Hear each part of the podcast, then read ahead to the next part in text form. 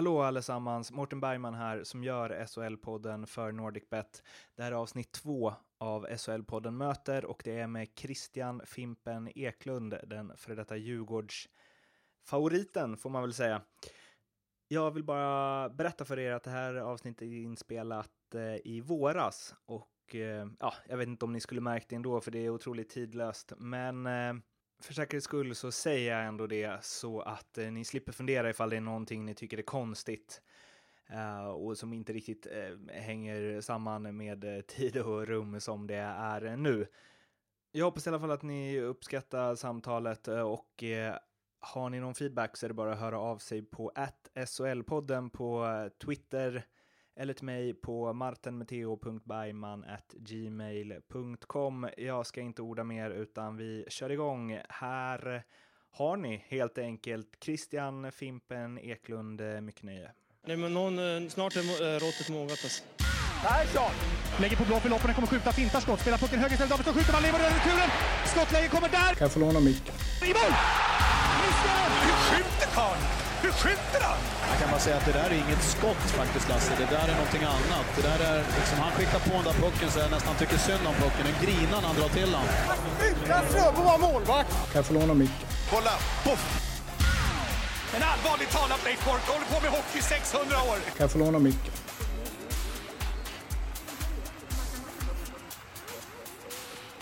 Jag och Ottosson har träning på morgnarna. Vet du, på tisdagar och torsdag morgon kör vi ett gäng företagare. Som kör riktig träning. Så då blir det en ostmacka och sen ligger och peppar gubbarna. 60-åriga gubbar som runt och tycker att de är... Så det är asroligt. De, de kunde blivit något. De kunde bli... Alla har... Det är konstigt, alla har fått en knäskada när de precis i T-pucksåldern. Det är samma varje år alltså. Klassiskt. Um, du, ikväll så är det Djurgården-Bayern på eh, Tele2. Eller om det är Dju- Hammarby-Djurgården. Jag vet inte vilken ordning, vilka som är hemmalag. Ska du dit? Jag ska inte dit den här gången faktiskt. Ska inte dit? Jag har förstått det annars som att du... Jag går, försöker gå på så mycket fotboll som möjligt. Men just den här gången har jag andra åtaganden med barnen, de får gå före. Jag kommer stå på en, i en ishall. Mm. Och stå på isen så att det, Och kolla text-tv. Och kolla... Jag kommer vara tränare men jag kommer stå med luren i, handen. Ja, hur mycket kollar du annars? Djurgården Jag försöker överlag? kolla ja, så mycket matcher jag bara kan. Antingen på TV eller på... Eller på... Eller helst på plats. Mm. Fotboll och hockey ska upplevas live. Kollade du fotboll även när du eh, spelade hockey liksom? Ja, men då gick säsongerna in i varandra lite men mycket på um, TV. Mm. Och, och försökte hålla... Jag är ingen fotbollskunnare överhuvudtaget så jag tycker bara det är kul att Djurgården vinner. Om det spelar inte så mycket roll vid sporten. Men jag tycker mer det är kul att gå och få känslan på läktaren och... Sen är det alltid kul när Djurgården vinner. Vem, vem i eh, Djurgårdslaget eh, i fotboll identifierar du dig med? Vem hade du varit om du hade varit där? Jag hade nog varit Janne Tauer brukar jag säga, men han spelar inte längre. Men ja, det är många. Någon, någon som jobbar hårt. Jag, jag antar det. Jag hade inte varit en lirare direkt. Vad eh, gör du nu för tiden, sjunger Thomas Ledin? Och det undrar jag vad du gör nu för tiden. Ja, jag är halvtid på min pappas företag, rörfirma, Rördoktorn, ute i Haninge. Där jag på, på kontoren, ekonomi, sitter och tar upp tid, mestadels.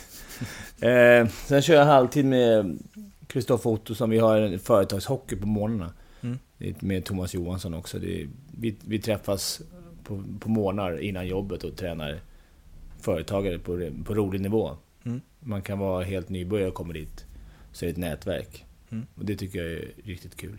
Är det någon idé du hade själv som du drog igång? Eller? Nej, vi franchisade från eh, Thomas Johansson, Okej. jag och Ottosson, och det har varit grymt kul. Sen har jag ett företag med en kompis som gör namn på klubbor, skor och, Mm. och handskar, custom stick. Eh, som jag jobbar med lite, det är lite mer hobby. Okej, det låter ju annars som big business. Ja, vi tycker det. Vi tycker alla ska ha det, jag och min kollega. Men, men eh, jo, men det är, det är ganska mycket. Det är inga, inga miljoner, men de här remsorna kostar inte så mycket. Men det är ganska mycket... Det är mycket jobb och det är kul att få träffa mycket hockeyspelare och, och vara ute på mycket kupper och kolla hockey. Så det, jag har blivit mer hockeyintresserad sen jag, la av, kan jag säga. Mm. Innan var jag inte lika hockeyintresserad. Var du så här eh, att det var viktigt med utrustning och hur det såg ut och så när du lirade? Ingenting. Jag brydde mig, det kan ni fråga vad material om. Jag hade samma, jag hade, alla, jag tror att alla gjorde av med två par skridskor per säsong. Jag gjorde av med en, ett par var tredje tror jag. Och körde kladdis och in i det sista och... Kanske därför det gick tungt också. Nej, men jag, jag var inte så mycket för grejerna. Mer nu när man, när man är unga som spelar. Det är, Tycker det är ballt att ha coola grejer. Men, men då... Det var det jobbigaste jag visste de här. Man var tvungen att åka in i som, mitt på sommaren och åka in och köra materialprovning. Sitta där en timme och testa grejer. Det var bara... Ibland fick materialarna välja. För jag orkade liksom inte ens... Så tycker jag inte man ska vara. Man ska ha koll på sin utrustning. Väldigt bra att ha något att skylla på. Ja, jo det var det jag tänkte. Jag hade rätt mycket. Ända fram till jul kunde man skylla- på dålig utrustning. Men sen, sen tog det slut. Eh, saknar du hockey? Ja, ja, man är där är man nästan lite avundsjuk på de som är på isen. Men jag vet också vilket, vilket jobb det ligger bakom och att det inte är alltid guld och gröna skogar. Det är tufft psykiskt och tufft fysiskt. Men man älskar det varje sekund man var på isen och spelade matcher, så det är klart, det, det saknar jag. Men det här runt omkring det, man, det kan vara rätt skönt att gå på läktaren också och gnälla lite. För varje år som går så blir man ju lite bättre. Det var bättre förr, det är bara... Ja, men det är klart jag saknar hockeyn, men inte så att jag skulle vilja göra någon form av comeback. Även om jag hade kunnat gjort det skulle jag inte vilja göra det. Nej, Du lirar inte for fun heller? Nej. Jag kör lite veteran nu med lite kompisar sådär mest. Så att jag får vara i powerplay, ta in tillräckligt dåliga så man, så man får känna på hur det var att vara Linkan. Kan, kan du... Eh, ska man säga? Kan du... Eh, kan det vara svårt att spela på hobbynivå för att man är van vid en viss standard? Att man blir lack på saker som man kanske inte borde bli lack på? Ja, ganska. Jag är alltid som vill jobba hårt. Om jag väl sätter på mig grejerna så vill jag jobba hårt och liksom kämpa för att det ska ja, bränna kalorier och bli av med kistan liksom. Det är det jag, så de tycker väl kanske att jag kämpar för mycket när jag kör, men... Jag skulle aldrig gnälla på dem. Jag spelar jättegärna med någon som knappt kan åka skridskor. Men bara så länge jag får åka mycket skridskor och jobba. Jag ser det som ren, ren eh, träning, kaloriförbränning. För jag, eh, jag vet eh, de lirar uppe i Leksand, spelar de på Siljan ibland på jularna. Så här, heter det hockeybocken när man lirar? Ja, med bollen. Och då kan man ju liksom, det går ju inte att tacklas då. Eh, och så vet jag att Petter Ullman, gammal juniorlandslagsback, som la på grund av hjärnskakningar, var med någon gång. Eh, och då pratade jag med en polare som lirar mot honom. Eh, så sa han det, ah, han var inte så speciell, liksom, det var inget märkvärdigt där. Och då tänker jag att han byggde sitt spel mycket på så fysiska spelet Ja. och liksom spelförståelse och så, vilket du kanske inte riktigt får ut där. Och att det någonstans måste gnaga om man åker runt och lajar lite och sen så surret som går är bara äh, han var inte så jävla märkvärdig. Det är Nej. sjukt att han har lirat i elitserien. Den får jag faktiskt, för de, ibland när jag är med så kan jag säga "Ja, kan jag ta pucken och köra igenom. Jag har inte kunnat köra igenom hela mitt liv, så det, för mig det blir som... Det jag var bra på, jag kan inte åka runt och köra över gubbar, utan det, jag är inte så mycket bättre än någon annan. Det är klart att man är duktig på att skydda pucken. Jag och Holm, Micke Holmqvist brukar vara med och köra. Då är det alltid samma fråga, ta pucken och kör igenom. Det är liksom, alla kan åka skridskor. Man var ingen lirare då, och man var ingen lirare nu heller. Eh, grabben lirar, eller hur? Ja, båda två grabbar, båda Ja, du har lirar. två. En i Djurgården, en i, en i Haninge. Okej. Okay. Hur gamla är de? 13? Ja, ena är 13 och ena är eh, 9.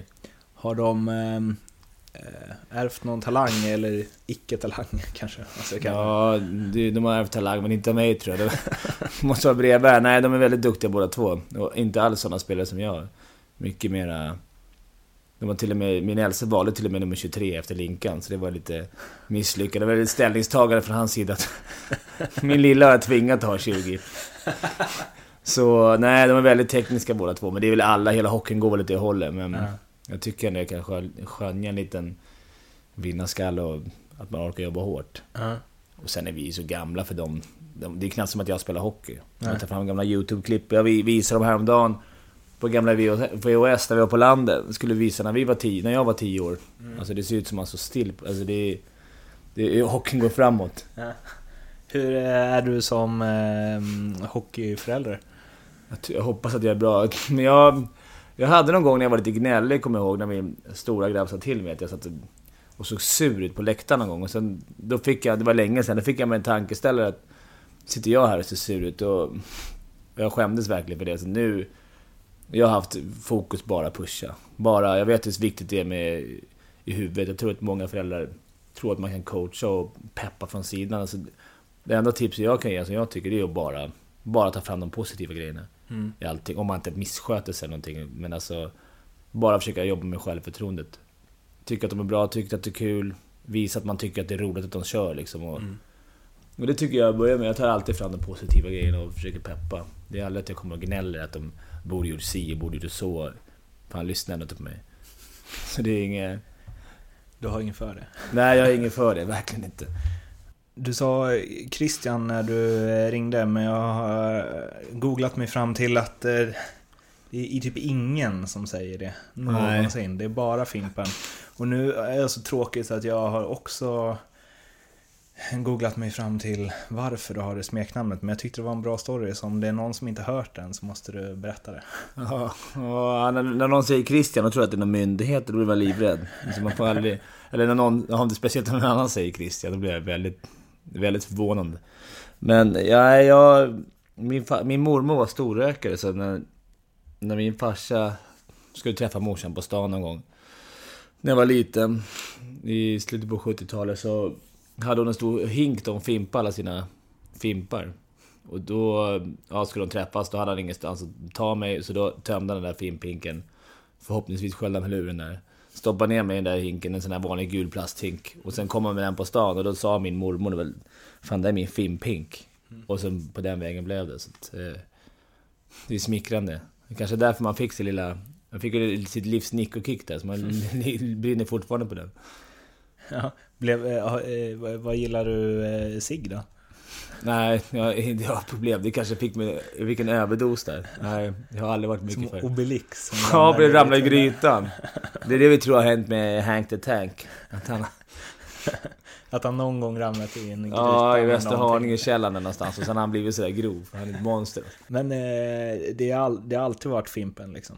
Ja, Av alla. lärare och, och allting. Mm. Och det, jag har bara vant mig vid det liksom. Det är inget... Det är väl kul att, de, att det finns ett smeknamn, men det är ingenting som jag tog illa upp för eller någonting. Det var bara att när man har vant, man vant sig från det att man är ett, två år så Mm. är det inte någonting man orkar byta. När du är utomlands, eh, kör du Fimpen då också när du presenterar den? Ja, det var det enda året jag inte körde, som inte hette Fimp. Men det var några svenskar i laget när vi var i Tyskland. Så att, men nej, det gör jag inte. Men det är rätt jobbigt man ska ha mailadressen till exempel. Om man, ja, myndigheter. Vad är det för mailadress? Så jag, jag jobbar på Rördoktorn. Då har jag liksom Fimpen snabel Rördoktorn. Alltså, de tror att man skämtar. Det är en jävligt konstig adress. Så det är enda gången jag känner så att det är lite halvjobbigt att säga det. Lite som en sån eh, Buster-lirare. Ja, ja precis. De det, jag tycker att det är, det är synd att det är liksom en utdöende grej, smeknamn. Förut hade ju alla det. Kolla Södertälje, vi alltid roade oss med det när vi mötte Södertälje borta. Stod det så här Pelle Lillkylen. Ja. Alltså alla hade smeknamn. Så jävla häftigt. Det är eh, något att återuppta tycker jag i den Verkligen. här eh, alltså, hockeyn som bara ska handla om pengar nu för tiden. Man får åtminstone återinföra smeknamn. Ja det tycker jag. Det är det minsta man kan begära. Du, Djurgården. Vad eh, betyder det för dig? Ja men med tanke på att jag spelat där sedan jag var 10 år och... Ja, jag, jag tror jag räknade någon gång 25 år eller någonting i klubben. Så det är klart att det... Det betyder, jag har gjort mig... Allt jag är som människa allting har jag lärt mig därifrån. Mycket av det. Och speciellt allt som har med idrott att göra har jag lärt mig. Djurgårdskoden, hur vi har fört oss och... Så för mig finns inget annat. Det är ingen hymla om. Jag vill att mina barn ska spela där. Sen om det inte blir någonting, det är inte hela världen, men att de får gå den skolan. Upp till juniorer, de- det är väldigt bra. Grymt bra skola. Hur man beter sig, inte bara på isen utan utanför och, och allting. Så att jag, det betyder såklart allt för mig. Har du alltid varit eh, Djurgårdare? I början var man väl ingenting, men sen, sen blir man ju liksom... Alla, alla håller ju på olika. I början var det inte så viktigt, då höll man lite på de som vann. Mm. Var det Luleå som vann när man var fem år så tror jag, antar jag att man höll på dem. Plus att Men- de hade en björn på bröstet. så Ja, det var det som var lite coolt också. Nej, men sen började man i Djurgården var tio år, då finns det liksom ingenting annat. Och Det är såklart att man hade sina tröjor där. Sen är det... Som sagt, man håller väl på Djurgården hela livet såklart, men det är, man börjar ju inte ordentligt förrän man gå på matcher. Det gjorde inte jag förrän jag var tio år. Vem var din första så idol? Oj, vad svårt. Alla hade väl Wayne Gretzky och, och de här grabbarna. I Djurgården hade jag ju Sundin, men det var ganska sent liksom. Som, sen har jag alltid gillat så här Tommy Mört, Thomas Eriksson. Sådana tuffa grabbar som, jag, som vi tyckte som man var lite rädd för. I korridorerna, man fick, om man fick gå ner med pojklag och kolla så var man ju rätt rädd. Man ville lite stöta på en. Det är så hatkärlek, eller hat... Jag vet inte. Kärl, Rädd. Ja, precis. Man var rädd men ändå så här... Det var coolt att se dem. Har du, när föddes typ drömmen om att bli hockeyproffs och så? Eller? Man hade väl det när man var liten. Sen, eh, sen när jag kom på juniorerna så... Jag var aldrig liksom en toppspelare i något lag, utan vi hade... Vi hade 12 stycken TV-pucken, jag var ingen av dem. Vi hade säkert 7-8 landslagsmän i vårt juniorlag. Jag var ingen av dem. Och jag, efter junioråldern så förstod jag att, okej, jag är inte tillräckligt bra. Det var ingen, vi var ett skitbra hockeylag, vi vann allt. i Juniorerna. Men... ja, jag hade aldrig den... Jag hade väl drömmen, men jag hade någonstans accepterat, okej, jag, jag kanske inte når hela vägen. Men sen så dök det upp ändå. Det var inte först man själv spelade på... på jag kommer ihåg första matchen mot Södertälje hemma. Liksom då först. Okej, fan nu är jag med själv här som jag sitter och kollar på. Så drömmen fanns väl alltid, men det... Det kändes ju som en avlägsen dröm. Tills man kom dit. Men sista säsongen så gjorde du ändå 16 mål, 20 ass på 28 matcher. Ja. I 20. Det Och året innan. Ja, det gjorde vi. Jag var faktiskt bra. J20 var kapten och var rätt bra. Men på den tiden så var det annorlunda. Då böt inte Djurgården 15 man varje, varje år. Utan där var det... Hade du en Tommy Murtre kunde du ha den i 7-8 år.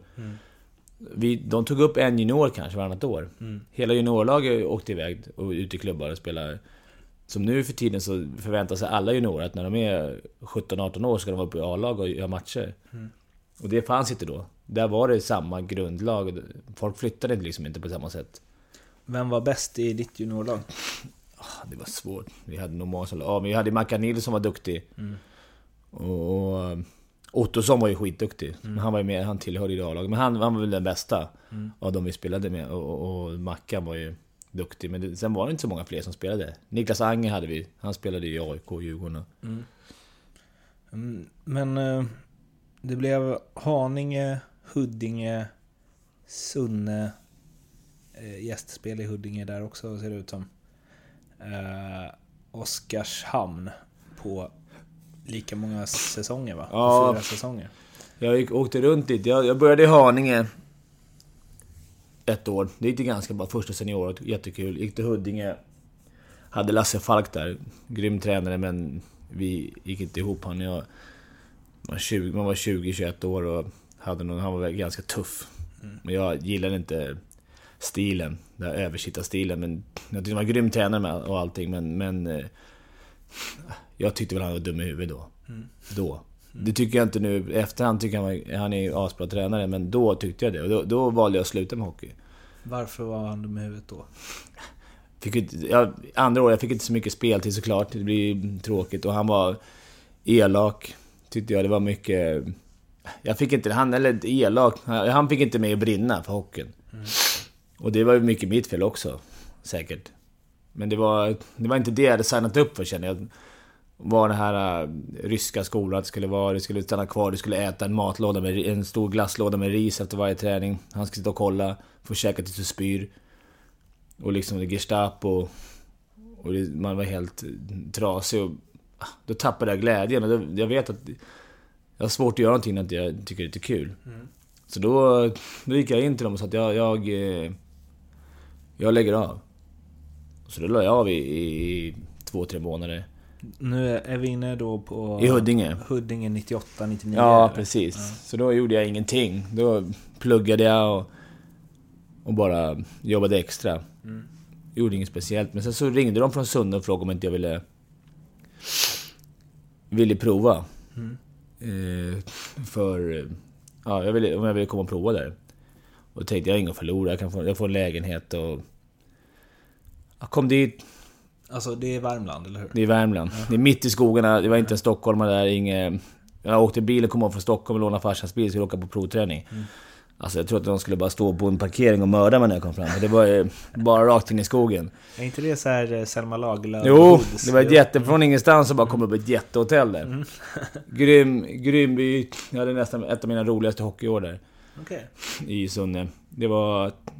All glädje fanns. Det var otroligt kul. Man hängde i omklädningsrum hela tiden. Det var första gången jag bodde borta. Eh, ja, de ville ha mig... Den tråglade Huddinge lite, kommer jag ihåg. De försökte... Jag fick betala mig själv ur Huddinge för att slippa ett kontrakt. Vad kostar det? Ja, 10 000 på den tiden, men det var ju typ allt man hade.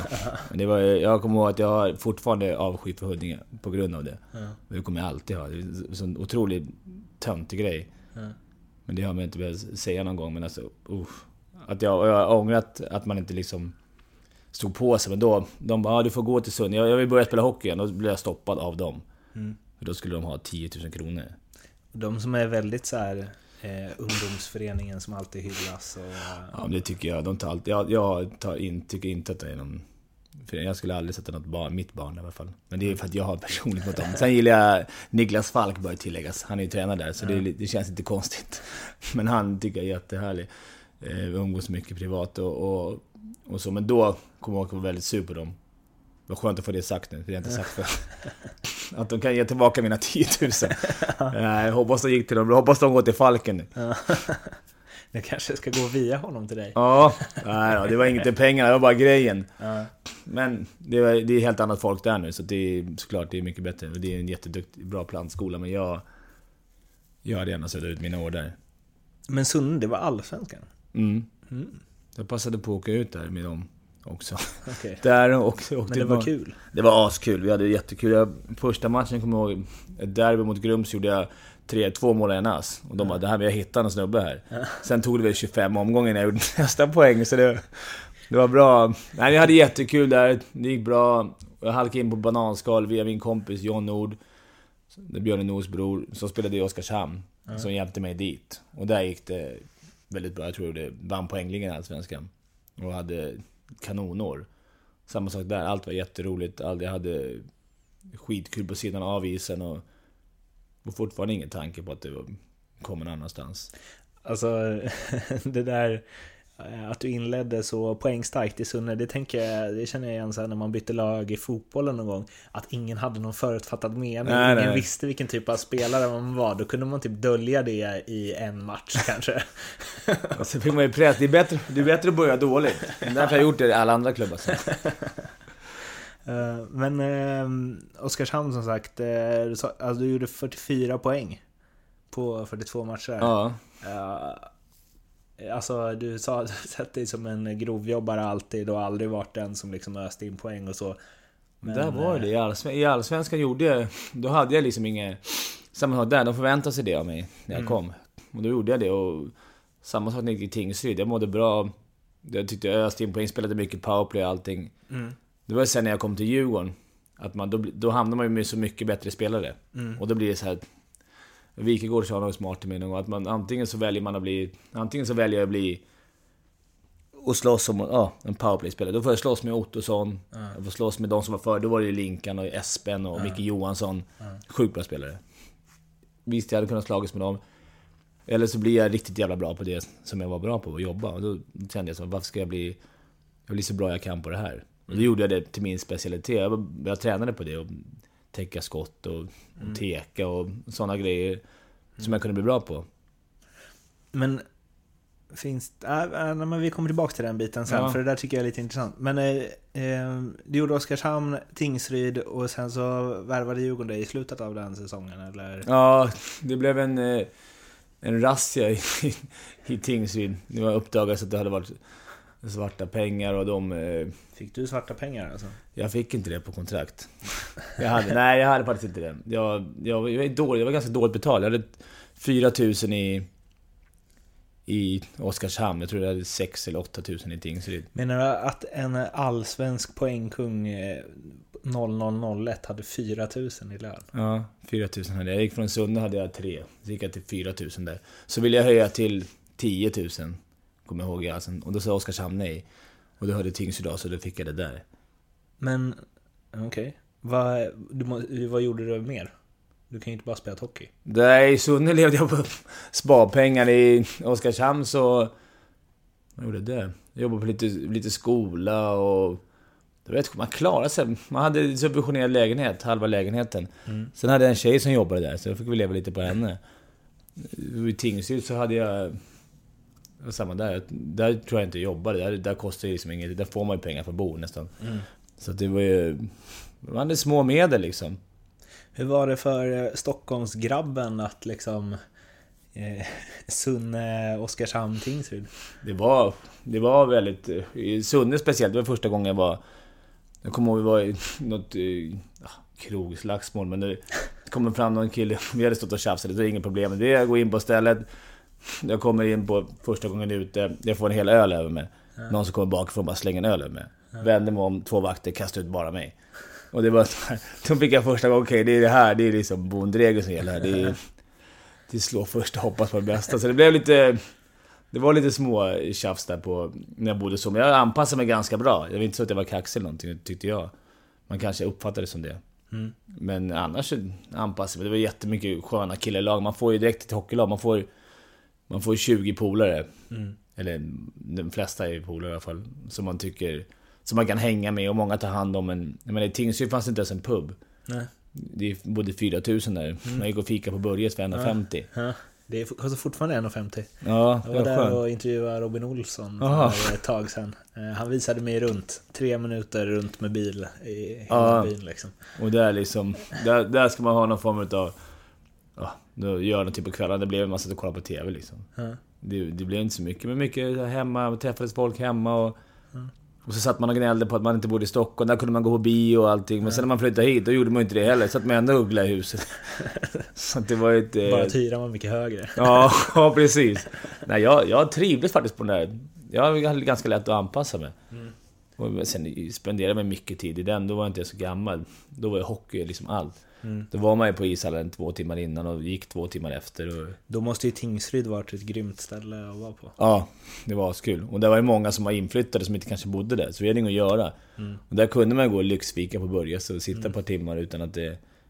Och där jobbade jag på bank. Så där fick jag jobba lite extra. Men jag jobbade alltid, försökte jobba extra hela tiden. Eller försökte, man gjorde det. Det var ju för att gå runt, annars hade man inte råd att bo någonstans. Jag... ehm, eh, det här kanske sänker möjligheterna till en bra intervju, men jag är eh, superleksing sen eh, Jaha, länge. oj, ja. Och alltså var det, det var 0001 de var ur va? Ja. När du spelade i Oskarshamn? ja, nej. Vi mötte Eller- dem i Leksand. Nej, vad säger jag? Vi mötte dem i, när jag var i Tingsryd. Ja ah, okej, då var det 01-02. Ja. När de, bara, när de torskade två matcher på hela säsongen. Ja. För det du säger där att du så här tjänade 10 000. Eh, för då börjar det någonstans här gå upp för mig vilken, vilken sjuk skillnad det måste varit på eh, Alltså det, det allsvenska laget Leksand hade då Ja. skulle ju ett allsvenskt lag i, idag aldrig kunna ha. Nej. Jag tror, vi, jag tror vi hade några, vi hade nog några i laget som tjänade ganska bra, som var lite Ja, mer etablerade. Alltså, jag hade bara gjort det en säsong. Jag kom ju från från ingenstans. Jag gjorde en bra säsong i Oskarshamn, så jag förstår att de inte ville pröjsa mer än... Mm. Det fick man ju nästan bön. Jag menar, jag hade en hyra på 3 och 5 och tjänade 4. Mm. Och så ska det skattas på det. Alltså det är liksom... Du fattar ju själv att det går bakåt. Eh, bra säsong där. Och i Tingsryd. Där hade jag, tror jag hade, jag hade någon bil i den deal. Jag fick, jag, jag har att jag hade en bildel. Jag skulle få en bil. Ja. Fast den rök sen när, när den skattemyndigheten kom. Då, då rök den bilen.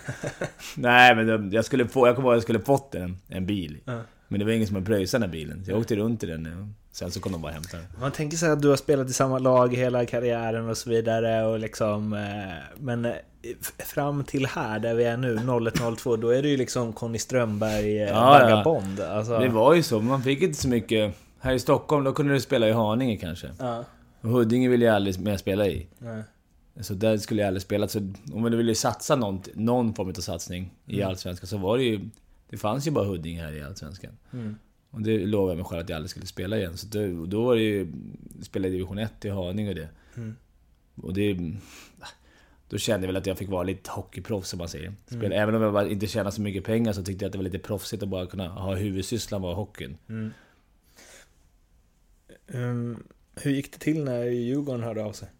De, eh, ja, de hörde faktiskt av sig en gång när jag spelade i Sunne.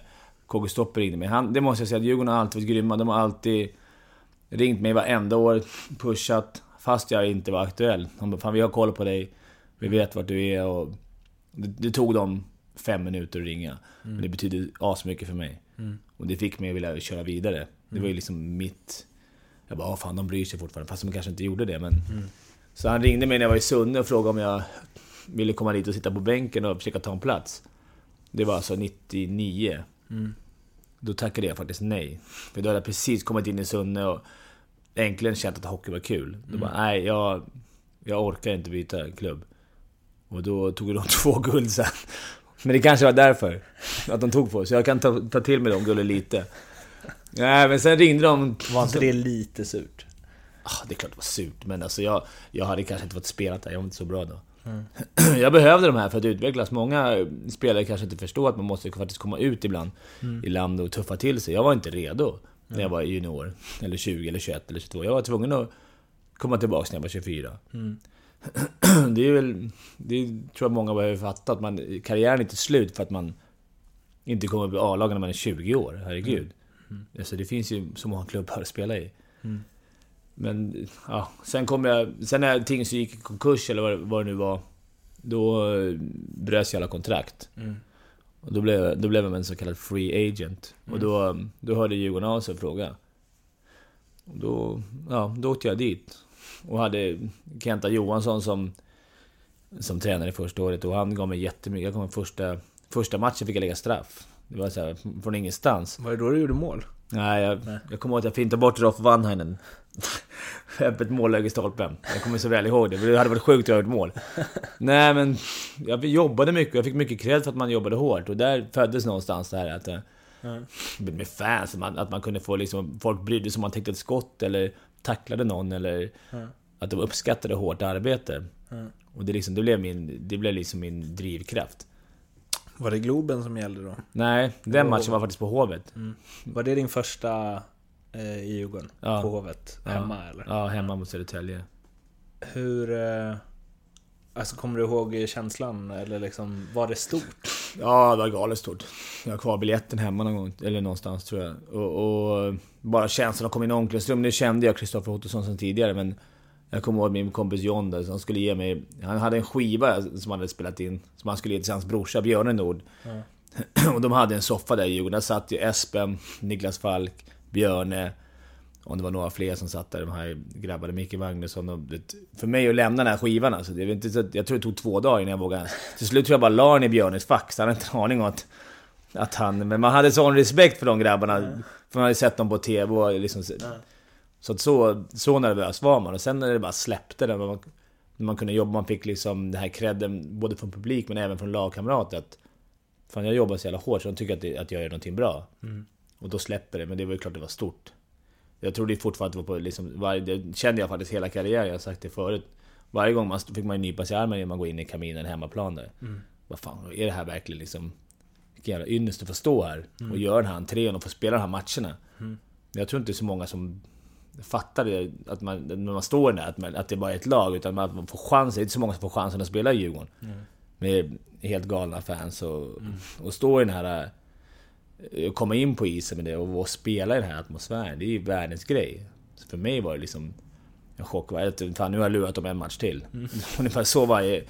Hela vägen.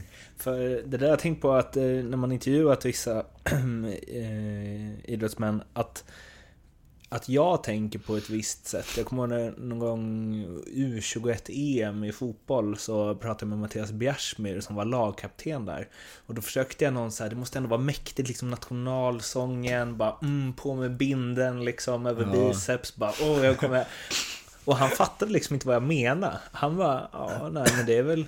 Och då tänkte jag att det var så här, att det är så normalt för honom, för han har alltid spelat i pojklag. Alltså det har varit så här, för honom var det inte så häftigt. Nej. Och då har jag tänkt att lite att du måste nästan... Eller ja, så här, anledningen till att man inte blev något förutom bristen på talang. Att man tyckte att det kanske var för häftigt Ja. saker. Eh, därför är det ganska nice att höra att du ändå sen njöt av det. Att du ändå Ja. tyckte att det var fett liksom. Men jag tyckte att det var... Än till min sista match tyckte jag att det var helt sjukt att jag fick lira där. Och man känner, man, men sen är det inte bra heller, man ska inte se upp för mycket till de andra spelarna heller men jag kände liksom att fan nu får jag spela i precis den klubben jag vill Ja. och bo här hemma i Stockholm och alltså Ja. Det är så jävla liten chans att man får spela där. Ja. Med tanke på hur många som jobbar, speciellt, eller spelar, speciellt nu när man ser på ungarna, hur många duktiga spelare det är. Mm. Man får de här som kommer spela. Och jag av alla i det här laget som var så bra, Mm. fick spela i Djurgården alla de här säsongerna. Mm. Alltså för mig var det sjukt coolt. Vi, vi gör ett litet hopp där, men ehm, jag menar också det, när de ringde och sa att de ville ha dit dig. Var, alltså var det pojkdrömmen som gick i uppfyllelse? Liksom? Ja, det var det ju. Det var verkligen det. var, först tänkte man okej, jag kommer att komma dit, få träna, inte spela matcher. Men sen sattes jag in direkt och fick spela med Kösti Karjalainen och riktiga sådana här... Fan, några år innan hade han spelat med Gretzky. Så det är hyfsat kontrast för honom. Men... Eh, det, Varför in kommer inte passningen? Ja, precis. Men det är, det är liksom... Det är, och sen spelade vi ett slutspel direkt där med Djurgården. Vi åkte ut i kvartsfinal, men bara spelade Göteborg liksom, Frölunda. Ja. Skithäftigt Skandinavium och... Det var, gick så snabbt alltså, man hann inte tänka så mycket. Mm. Men, men ändå så påminner man varje gång att fan det här är... Det här kanske, du får det här halvåret. Mm. Och liksom sen tugga på och sen fick jag skriva treårskontrakt och då, Mm. då blev det, sjönk det in mer på riktigt att det var... Sen var ju mitt problem att jag... Jag, kanske hade kunnat bli bättre, jag vet inte. Men min, min dröm var ju hela tiden att komma till Djurgården. Mm. Eftersom jag hade spelat där alltid. Jag hade aldrig någon dröm om NHL och det, det kände jag att fan, inte för att jag hade kanske kommit dit, men jag hade kunnat, kunnat jag hade siktat mot stjärnorna och nå till trädtopparna. Mm. Men jag siktade bara till Djurgården, alltså där, det ville vara där bara. Mm. Det var aldrig att jag diskuterade med någon klubb och det var en klubb som ville, det var liksom inte ens... Mm. Det har jag kanske förlorat på rent ekonomiskt, att man är... Mm. Man kanske skulle bytt klubb några gånger och testat men... Samtidigt som dåliga brukar bli bra, brukar bli kvar. Men jag fick mina år, det tyckte jag var mer värt än alla pengar i världen, säger jag nu. Mm. Du stack ju ändå på ett äventyr. Ja, Augsburger då, frågade, då frågade jag faktiskt Djurgården och då tyckte de att det var bra läge att åka och få prova. Var det lockout? Det var efter lockouten. Det var efter lockouten, okej. Djurgården eh, hade ekonomisk kris och det var liksom inte... Vi hade, skulle bara överleva. Och då kände väl jag att då, då frågade dem och då tyckte de att det var bra läge att åka bort. Mm. Och prova på. Jag hade siktet inställt på att komma hem direkt ändå, efter. Sen trivdes jag jättebra i Tyskland och Ja, hur var det? det var askul. Det var lite mera annorlunda. Man skulle upp och dricka öl efter träningarna, eller efter matcherna med sponsorerna och Jaha. och öl och pizza i bussen, inte alls seriöst. Man gick upp ett par kilo på den här men det var ju kul. Jag lärde mig mycket annat. Det funkar inte som i Djurgården eller här i Sverige, att det var bra materialare eller liksom, man skötte mycket själv och... och man, var, man insåg att man var ganska bortskämd här. Man varit hemma och spelat, där funkar det ingenting. Men man, man, det var en rolig, rolig... Roligt att testa det. Sen var jag med två, Martin Lindman och Roffe Vanhainen, svinbra killar, svenskar och... Så, som hade, Martin hade varit där i åtta år, så han visste ju. Mm. Han bodde inne i stan, vi andra bodde ute på förort till Augsburg. Ja. Men... Eh, det, jag tyckte det var askul äventyr, men ändå där någonstans hade jag att jag måste göra en bra säsong för att jag ska komma tillbaks. Ja. Hur gick det hand i hand med liksom, om, alltså om det var pizza och bärs liksom? Ja, det är svårt. Det gäller att köpa matchen. Man fick så mycket speltid där, så man brände väl bort det. Mm. Jag kom hem och hade mina sämsta te- testresultat någonsin också därifrån. Okej. Men Så kände du ändå att du så här, Asch, om det är så här det här och jag ska bara vara här ett år så får jag fan leva det tyska hockeylivet. Ja, men så var det. Vi hade inte ens ett gym. Det var bara det. Man, vi skulle köra extra i början, de var dum i huvudet. Vi har inte ens ett gym. Och det var ju på den tiden. Och det var... Vi körde, vi försökte köra bra på isen eh, ganska år. Sen hade vi tufft då. Vi hade mycket tränare som blev sparkade och mycket spelare som blev sparkade. Det var, det var tufft, tuffa påfrestningar. Men jag kände liksom aldrig på något sätt att jag brydde mig. Det var inte mitt lag. Alltså, jag jag var ungefär där och testade, så jag tog inte åt mig någonting. Här i Djurgården kunde jag ta åt mig någon skrek någonting från läktaren bara. Då kunde jag gå och tänka på det och vara förbannad på hovet att vad fan sa han sådär för? ja men nästan. Att man var orolig, fan vad dåliga vi är nu, nu kommer vi ta- ta- tappa där. I Tyskland så sket det fullständigt i det. Var det bra med folk på matcherna där? Ja, Vi hade, halv, vi hade arena som var halvt utomhus. Och det var alltid 5-6 tusen. Ja men väggarna var öppna så det blåste in snö och löv och... Det var helt galet, man fick solen i ögonen och... Ibland var det liksom Körde du med 20 sådana minus. så här streck Nej, vi gjorde faktiskt aldrig det, men... Det var ju 20... Vi mötte Köln kommer jag ihåg. De gick inte ens på värmning för det var för kallt. Så det var, vi vann ju mycket hemmamatcher. Det var sån Winter Classic varje Ja, du kan tänka dig. Men alltså inte på, vår, på våren, första matchen, då var det smält is och löv på isen. Det var ändå högsta ligan liksom. Eh, Men det, det känns som, jag kollade igenom eh, roasten lite fort. Det känns som att eh, det var en del goa kanadensare som Ja. kanske om, så här, gett upp NHL-drömmen och bara körde. Ja, det var sjuka. Det var, man fick ju mycket roliga kompisar, det var otroligt sjukt. Ja. Och sen lär man sig ganska mycket, för där är mycket var man för sig. Det är ingen lag, utan de, de tänker på nästa år. T- tre stycken stulna poäng, det kan ge ett par tusen euro till i lön. Mm. Så där var det ju, man blev av med poäng och det var... Gjorde du mål, det var inte säkert du fick det. Du fick åka och liksom se till att du fick det. Det var mycket... Alla, mycket backstabbing och sånt där tyckte jag. Det är det som jag inte tyckte var skönt med i Tyskland. Det var väl, väldigt mycket... Kadenserna höll ihop och försökte snacka in sig med tränaren där och... Vi som kom från Sverige, i alla fall jag, som var så van med Djurgården, man ska kämpa för att täcka skott och vara för klubben. Efter ett halvår så släppte det. Då låg jag också och fiskade och sket fullständigt i... Det var ingen som brydde sig om man gick... Man ledde poäng, man ledde liksom plus minusligan tror jag ledde helt överlägset då. Okej. Vid jul. Det var ingen som brydde sig om det. Man har inte gjort några poäng. Så det var bara att byta spelstil. Eh, var det bra pröjs?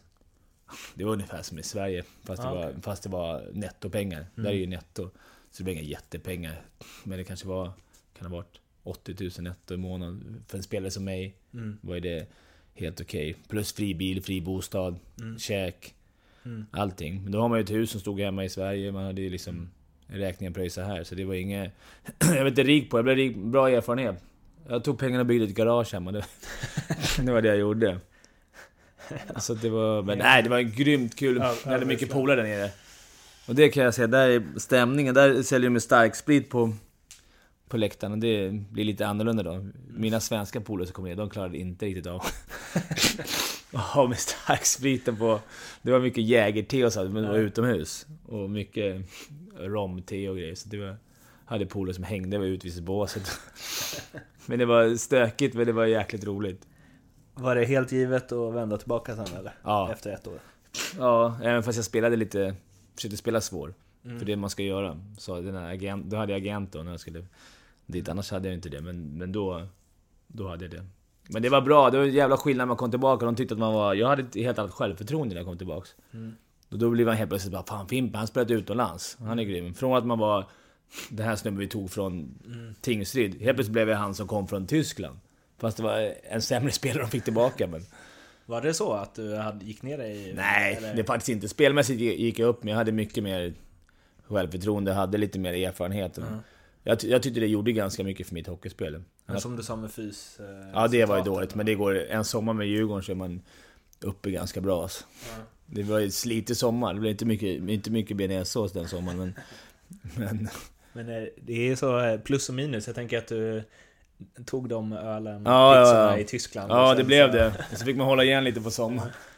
Vad, du blev assisterande där också. Ja. Stort eller? Ja, det var stort att de valde mig. Det var mycket spelare och ledarna själva som valde. Och det var ju stort för att vara mig. Det var ändå ganska mycket bra spelare med. Mm. Och det... Jag försökte alltid vara en sån som pushade på och alltid försökte vara trevlig mot alla och... och försökte visa mitt spel. Jag var ingen som... Ofta brukar kaptenerna kanske vara ledande i powerplay eller poängligor. Men jag försökte visa med mitt spel att jag täckte gärna ett skott eller Mm. jag tar den gärna i bröstet. Bara visa att jag vill verkligen vinna. Det var väl det de såg för att hoppas. Mm. Och sen att man, att man var trevlig mot alla och försökte pusha grabbarna. Du, från det att du kom tillbaka där, det var ju... Eh, ja, ska man sammanfatta dem? Vad blir det? En, två, tre, fyra, fem, sex, sju säsongerna. Så höga toppar, djupa dalar. Ja, verkligen. Vi kan börja med de höga topparna. Ja, det var ju SM-guldfinalen där. Eller SM-guld, SM-finalen. Eh, mot HV. Den Kom vi, så sjukt. Vi, vann en match, kryssade fem och tor- torskade guldet. Det var ju sadden varenda match. Det var otroligt skön stämning, vår och det är final som det är då. Mm. Vi hade ett grymt lag, vi har det bästa coach man har haft liksom. Så jävla bra.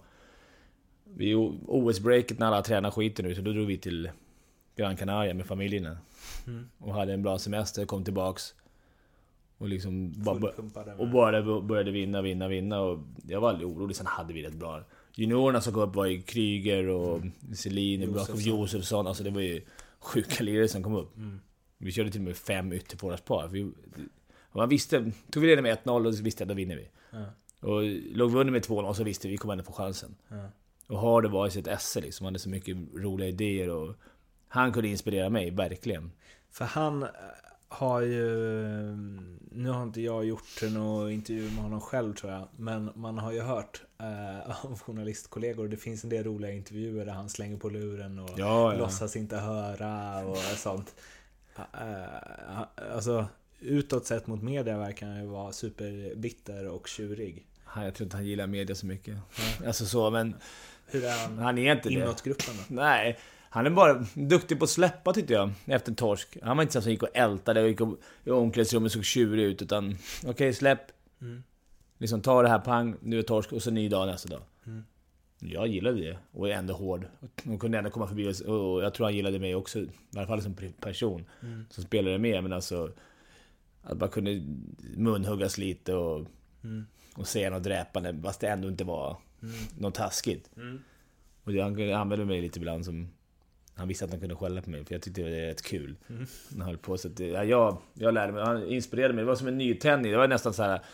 Jaha, när han kom, bara, åh, nu kommer ha det, fan hur ska det här bli? Men Mm. jag fick en värsta nytändning. Att Alla har så kul att spela hockey som han. Så du hade ändå en förutfattad mening om honom som inte Ja, ja, stämde? när han liksom? kom, jag visste ju, han var ju där 0-0. Jag har bara sett han i rutan när han var där 0-0. Man bara shit.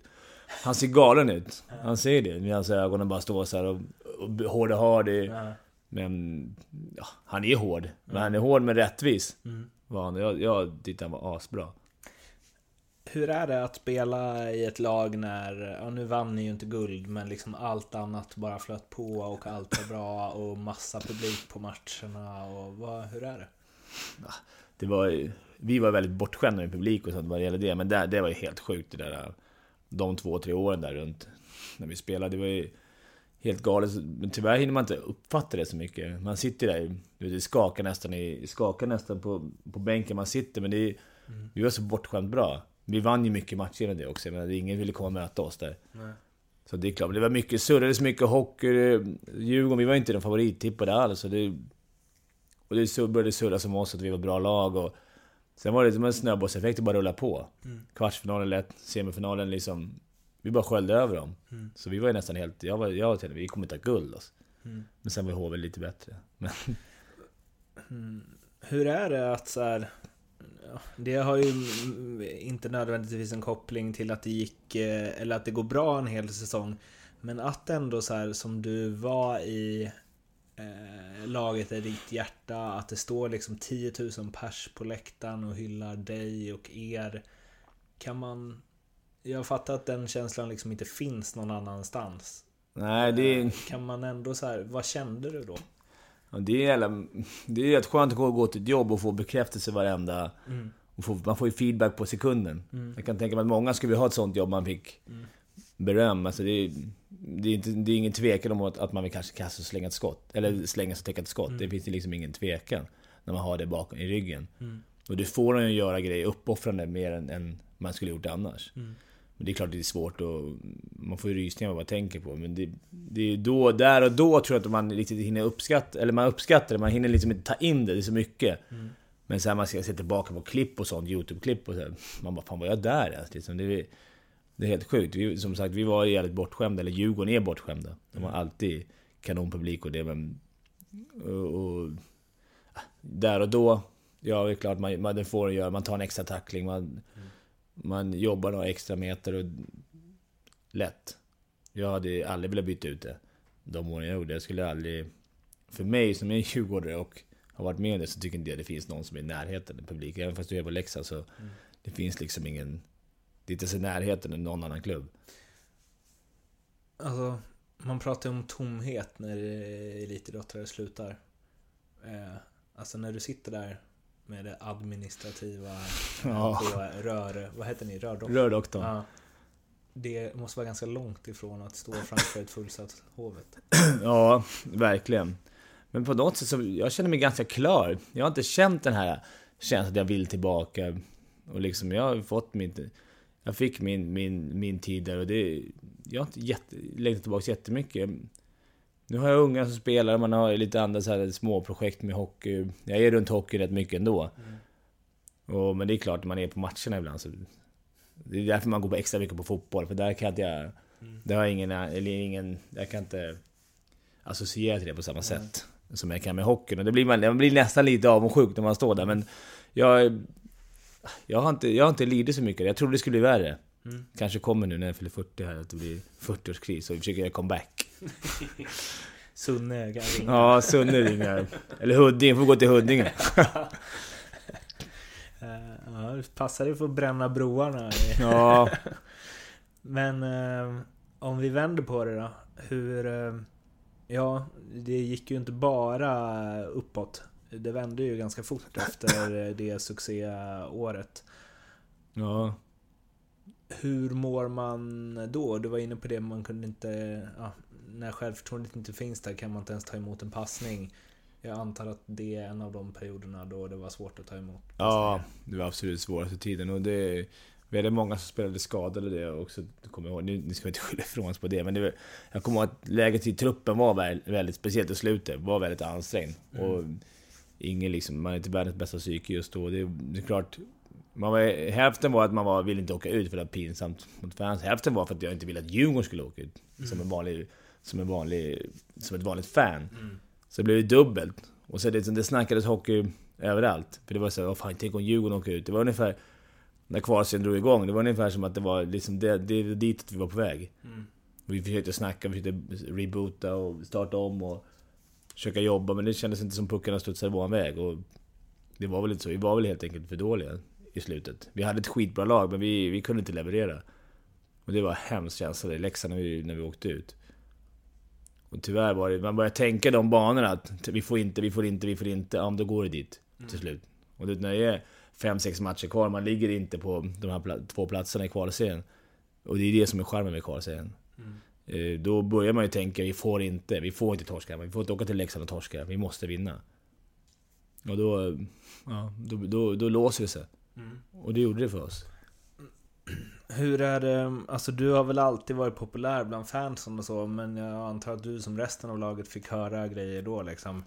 Mm, Hur är det, hur är det liksom? Att, och speciellt som att du bryr dig om Djurgården. Ja, men det är klart. Först blir man lite ledsen för man... Jag vet att jag gör allt och alla grabbar som var med, vi gjorde allt vad vi, som vi kunde. Men det, liksom, det funkar inte då. Och det, det är ingen som väljer att spela dåligt. Jag menar, jag gick inte ut och spelade... Gjorde en felpass med flit, utan... Vi ville ju spela så bra som möjligt, så det är klart att det, det känns. Men mest, man, jag tror man sätter mest press på sig själv. I alla fall gjorde jag det. Jag, det är klart man bryr sig, men jag läser inte så mycket och brydde mig inte så mycket om folk. Jag lämnade ungarna på dagis när folk kom liksom. Vad fan, ni får ni fan skärpa till er och... Det, det kunde jag skölja bort, men däremot min egen press på mig själv som jag satt att... Och vi alla i laget satte på varandra. Det var den, den som tror jag bröt ner oss till slut. Att vi... Vi förväntade oss så jävla mycket mer av oss. Och vi var ju guldtippade det året också, och, och åkte ut. Så det hade man ju med sig hela vägen och läst tidningar hela sommaren att Fan vilket lag och fan nu, nu tar vi guld nästa år. Och så... Nu, Var det, var du någonsin med om något alltså obehagligt liksom? Sidan av? Jag var... Jag var förskonad faktiskt. Jag är inte... Ingenting. Mer än på stan att folk stoppade oss att, man var- att vi var dåliga. Och det, det köper jag. Det var inget... Det var vi ju. Så det, det var inte så mycket. Det kunde jag gärna stå och snacka och... Men det blir ju mycket. Så jag var inte ute så mycket sista... Alltså handla eller någonting. Jag var- hängde mest hemma. Det är klart man blir deppig hemma. Det är värre för någon som är i ens familj. Att man är barn och allt. Man blir sur på allting och gnäller och tänker bara nästa match. Så man blir lite nedstöring. Men jag... Inget mer att... Att det var folk som skrev till en på sociala medier att man var värdelös och sådär. Men det var fan... Det, det var vi, som sagt, det var vi. Så det... Svarade du på det då eller? Nej, ibland, men till slut gick det inte så mycket. Men jag tror jag var förskonad. Många som hade det mycket värre. Det är det vi... Jobbar man bara hårt så, så liksom försöker man så kommer man undan lite, inte kommer undan men det är värre för de som var stjärnspelarna. Som satt kanske med höga kontrakt och, och förväntades leda laget. Men det är inte bara deras fel, det var lika mycket vårt fel, vi som var gnuggarna om man säger, om, om det ska vara så. Alla föll ihop. Ni var ju liksom topptippade det året ni gick till finaler och ni var topptippade ännu mer det året ni åkte ur. Ja. Eh, Kan du på något sätt så här pointa ut någonting som finns i en grupp som nästan vinner SM-guld eh, och något som finns, slash inte finns kanske man ska säga, i en grupp som åker ut? Alltså kan man märka, kan man ta på något? Inte i början tyckte jag, men, men man märkte att det tar. Vi ska komma ihåg, vi tappade ganska mycket spelare. Även den här Kryger de som... Som man tycker bara... Nej, det var juniorer. Kryger, Josefsson, Zibanejad eller vilka det nu var som var uppe där. De var rätt duktiga alltså. De, de skalade rätt mycket istid och de var... Många bra. Jag vet inte om Falken slutade också innan. En snubbe som använde som spelade ändå 25 minuter. Så att det försvann lite spelare, men vi hade ändå ett skitbra lag. Det kom hem spelare, men... Jag vet inte vad det var. Just den här otryggheten i gruppen. Vi var inte lika trygga som vi var när vi, hade, när vi vann. Eller när vi vann, när vi gick till final. Då hade vi en jävla trygghet. Det spelade ingen roll vad det stod på tavlan. Nu, nu det här året efter jul, blev vi stressade. Fick 2-0 emot oss och började stressa och bara nej, det får inte... Vi måste ju... Jag tror att det här topp, topp tipperiet, det låg oss... Liksom, det var sämre för oss att veta att vi var topptippade. Att det var så här, fan de förväntar sig det och... Det måste man vara stark i gruppen och liksom känna så här, det här skit, Man säger alltid det, vi skiter i vad, vad media säger. Men det är klart, att det, det lyckades vi inte med det året. Att vi och skala bort yttre förväntningar. Vi, man hade någonstans med fansen, det var våra tur i år. Vi hade final, sen åkte vi ut mot Luleå året innan det, men det var ändå bra tryck. Eller året efter det. Och sen liksom, nu var det vårt år. Nu ska de få sitt guld som de har väntat på. Alla fansen och vi och allting.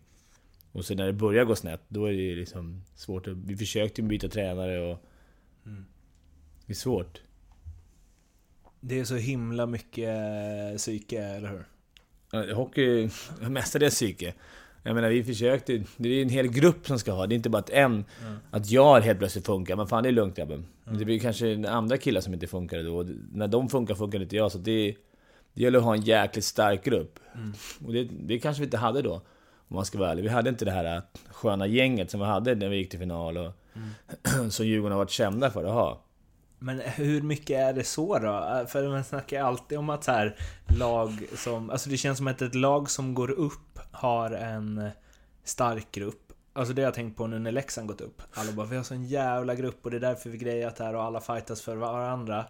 Och då tänker jag så här, ja, nu kommer, ser de ut att ha ungefär samma lag nästa år. Om de skulle åka ur då, är gruppen svag då helt plötsligt? Alltså det Nej. där är ju, det känns som en väldig också... eh, Det beror ju på hur det går. Om man det är har en stark grupp eller inte. Det är då man får testas. Jag menar Mm. när det går tungt, det är då det- gruppen testas. Det är inget svårt att vara en grupp som bara vinner. Mm. Men det är aslätt. Det är Men bara kan du säga att ni hade en sämre grupp när ni åkte ur än när ni gick till final? Liksom? Ja, jag tror det. Vi hade inte samma sammanhållning och samma Mm. styrka i gruppen som vi hade när vi var mycket mer självförtroende i gruppen och allting. Och det är ju en stark ledare. Det var ju samma ledare och allting var ju lika. Så det var ju jävligt konstigt. Men när man hade det året vi gick till final så visste alla sin roll. Jag visste vad jag skulle göra. Jag fick eh, cred för det jag gjorde. Du vet, Ottosson visste vad han skulle göra. Han tog hand om sitt och vi pushade varandra. Det var ingen, ingen konkurrens var det, men det var inte det här att man... Man tog hand om sitt eget och såg till att laget vann. Och det tyckte jag inte att det var det året vi åkte ut. Och vi, vi föll ihop som grupp och det var inte... Vi försökte komma ihop och samla oss och så här. Nu ska vi köra, men det, det blev mycket tomma ord. Du gjorde 26 matcher i Allsvenskan. Plus 4 i kvalserien. Ehm, Och sen så uh, la du av på grund av en nackskada. En nackskada, ja. Eh, hur var det att liksom lämna Djurgården i Hockeyallsvenskan eller vad man ska Det var, det var det jag hade velat gjort. Jag, kände, jag sa det till kära de som var sportskytte. Jag vill, jag vill liksom... Jag vill ta upp dem och lämna liksom... Det kändes ju som klart, jag tog på mig alltså, att det var vårt fel, vi som var med, den gruppen som tog ut dem. Det är klart man känner det. Vore ju konstigt annars. Och det är därför jag direkt ville stanna kvar. Det hade inte spelat någon roll om vi spelade division 2, hade jag spelat kvar ändå. Men eh, jag ville jag ville inte sluta min karriär i Allsvenskan, alltså med, med Djurgården. Själv hade jag kunnat spela i Allsvenskan, men inte, inte genom att vara de som tog ner dem. Och sen när jag blev skadad, jag var, väldigt mycket skadad i året i Allsvenskan också. Jag, inte, jag spelade inte så många matcher där. Jag försökte, man försökte lira så gick det inte. Det är ett irriterande när, man, när inte kroppen funkar. Man vill vara bättre och ja, nu är, nu är jag hel. Och så gick man in så var det tre matcher som var, var borta en vecka. Och, så det, och då, då tog vi beslut med Challe att, det, att nu, nej, nu får jag nog. Eller vår läkare sa, vi, jag vill inte att du spelar hockey. Och då... Jag ville ju lira ändå. Jag bara, vi kanske kan göra så eller si eller... Men han sa, hade du varit mitt barn hade du inte fått spela hockey. Det var det han sa. Då. Nu gick de ju upp det året, så det var jävligt skönt att slippa. Det var tråkigt att man inte fick vara med. Jag vet, det kändes ändå som att vara med. Det var året efter man hade slut, man var ju uppe och snackade med dem mycket. Och på det sättet var det trist, men det var ju bara skönt så fort det... Det var ungefär som att då kunde jag avsluta mitt... Det låg som en öppen bok där ett tag. Att fan, hoppas och bara... Sen när jag gick upp, det bara... Skönt. Nu kan jag, nu kan jag släppa. Två grejer jag vill eh, ta upp. Den ena ehm, är kring din roll. Um, och du sa liksom, ja men att eh, det som Wikegård sa att du kanske liksom fick Antingen så krigar man om att få lira powerplay och vara producerande eller så hittar man sin roll och kanske kan vara längre kvar i ett lag och så vidare. Du gjorde ändå mycket poäng i Allsvenskan, i, i Oskarshamn och Tingsryd och så. Eh, var det helt givet att bli den spelare som du blev i Djurgården? Eller har du någon, alltså Även om din dröm var att spela för Djurgården, jag tänker att man någon gång säger hur långt kan jag nå? Hur bra kan jag bli? Kan jag vara en producerande spelare? Kan jag lira powerplay? Alltså, Ja, det är klart att man fick dem. klart man hade tankarna, men någonstans när jag kom upp så var det så här, som sa Micke Johansson, Espen, Linkan, alltså det var ju landslagsspelare. Så att... Eh, det var inte, det var inte så att jag valde det själv, utan jag fick väl chansen i power. Jag var inte lika bra just då. Men jag tänkte att jag, jag var duktig på det här, så bara, fan, jag ska bli riktigt jävla bra på det här. För det är, jag orkar åka skridskor hela tiden, jag orkar kämpa, jag orkar ta ut mig, jag, or, jag kan ticka skott. Fan, jag ska bli så jävla bra jag bara kan på det. Och sen blev det en roll jag fick. Alltså i Allsvenskan var jag inte lika bra då heller. Det är klart att jag kunde göra lite mer poäng där. Och, och det är klart, hade jag fortsatt och försökt och, och, och de skulle ha spelat mig, men det var så många före kändes det som. Så att jag... Jag blev ju satt i tredje och gnugga, så då, då, kör man, då gör man ju det. Man fick en roll. det fanns aldrig på kartan att liksom gå till ett annat lag, få en större roll, mer istid. Nej, jag hade, jag hade så bra. Jag hade mina, alla mina kompisar, släkt och familj, eh, liksom allting här. Alla mina vänner. Och sen är Djurgården. Alltså jag, har man lirat i Djurgården en gång så tror jag man... Om man har upplevt de här eh, alltså, fansen på plats på Hovet när det är fullsatt. Då har jag svårt att tänka. Nu vet jag att det är många som går men... Jag tror inte man får det på så många andra ställen.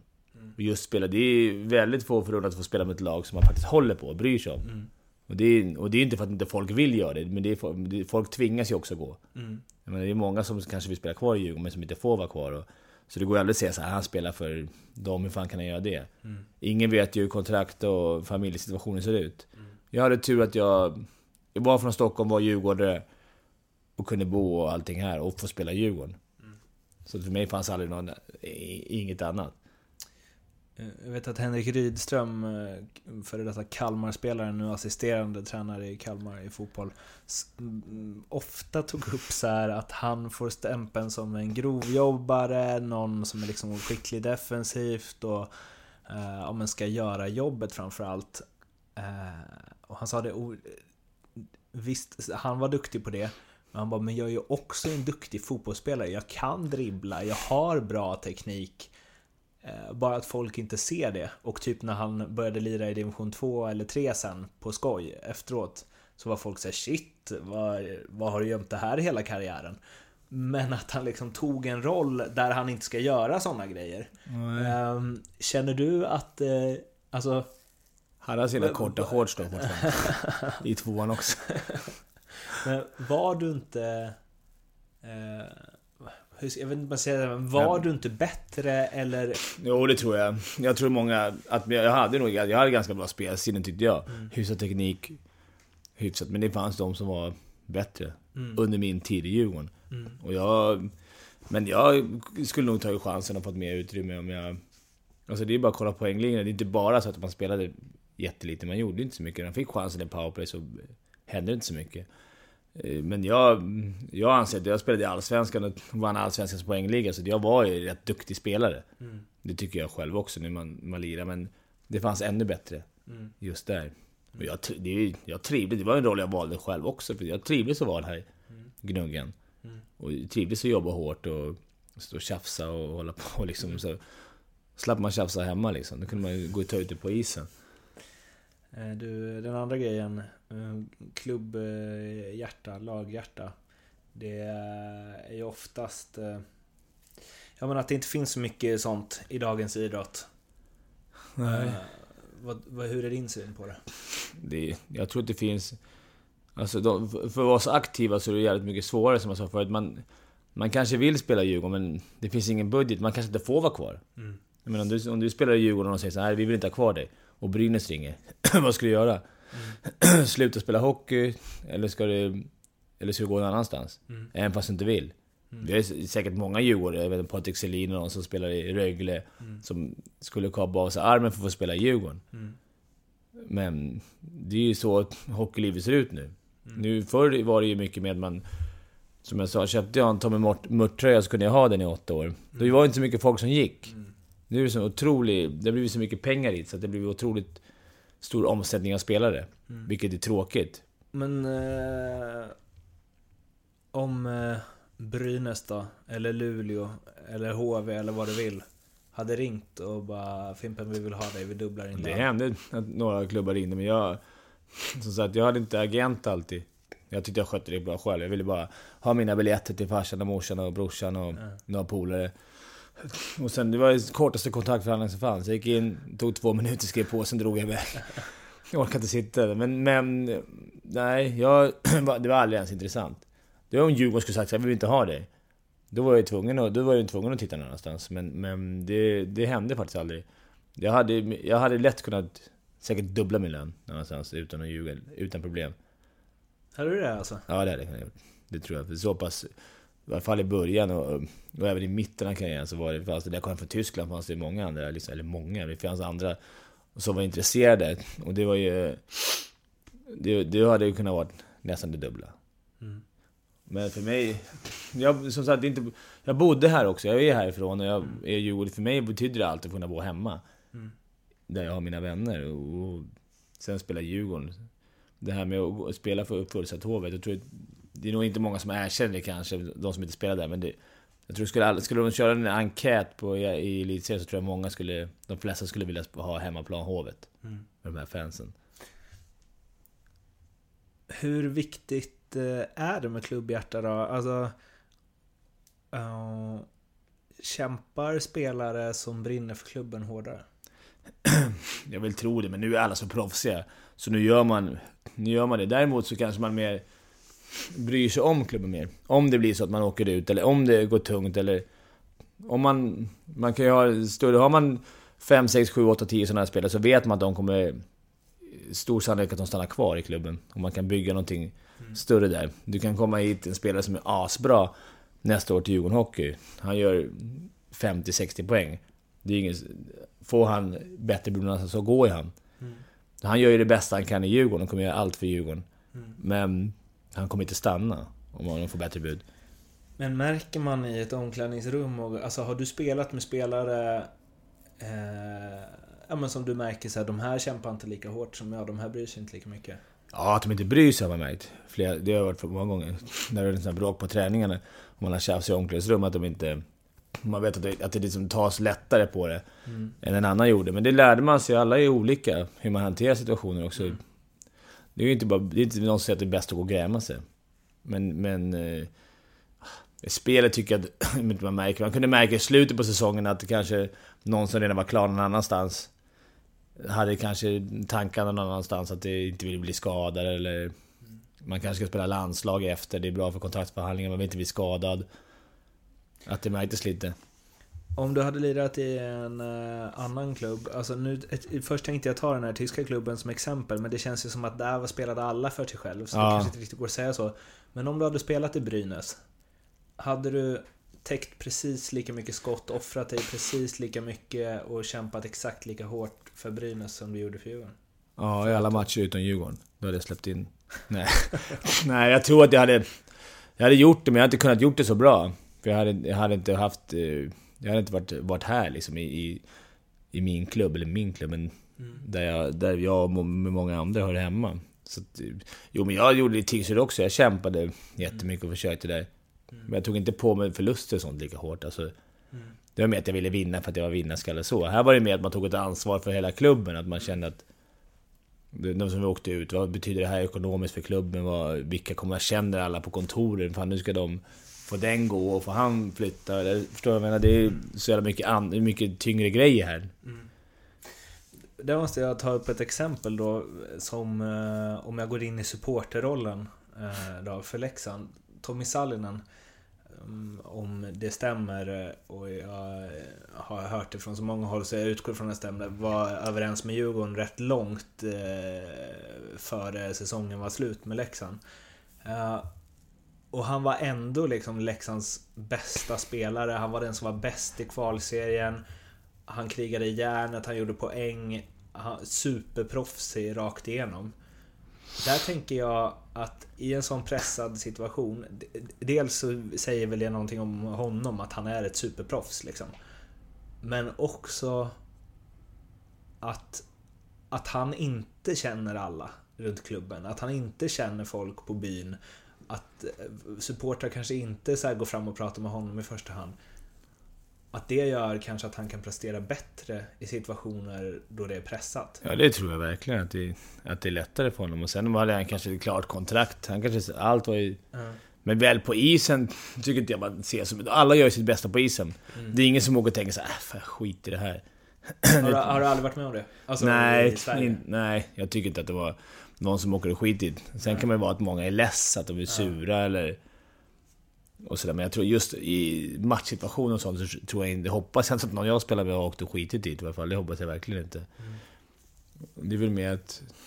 Men det jag försöker komma till är väl lite, har din kärlek till Djurgården, tror du att den någon gång har hämmat dig som hockeyspelare? Ja, det tror jag. Som det här när vi åkte ut. Alltså det... Jag, jag brydde mig för mycket kanske. Eller hemma lite. Men man kanske bryr sig mer om... Man gick och ältade för mycket. Det hade varit skönt att bara kunna släppa match efter match och liksom... Bara koncentrera sig på nästa match. Men det är, vi är ju proffs, det ska man ju klara av men... Ibland blir det... Man, är, man, man känner ju mycket Djurgården, man pratar mycket hockey, var man än är. Så att, ja, det blev väl kanske lite att det, att det hämmade. Man är ju inte mer än människa. Exakt, man är inte mer människa. Man höll sig ganska mycket inne då. Eh, Du, en eh, sidospår från din Twitter. Eh, Du skrev tre lag som, eh, eller jag har svårt för lag som börjar på B. Barcelona, Bayern, Leksand. Jag vill ha motivering på samtliga lag. Ja, jag vet inte varför jag skrev det. Bayern är väl... Jag vet varför du skrev det, det var för att provocera. Ja, det var kul. Det blir, det blir alltid så kul. Speciellt Bayern och Lex, Leksands eh, fans blir otroligt... Ja, för sig, Jag tror inte Barcelona-grabbar sitter och följer min Twitter. Men... Eh, Och det ska du nog vara glad för när Ja, du skriver så. ja. Men det är mer... Det är kul att reta just Leksand och bayern fans Det blir otroligt... Det blir så jävla tju- tjuriga. Mm. Det är väl inte så mycket. Det är väl Djurgårdens lite konkurrenter. Leksand är väl ald- aldrig... Det är ett skönt lag att ogilla. För att det ska vara folkets lag. Och det är likadant med Bayern. Det är mera... mer man flyttar hit från... Ja, du vet... Arboga. Mm. Sätter sig på en... En etta inne på...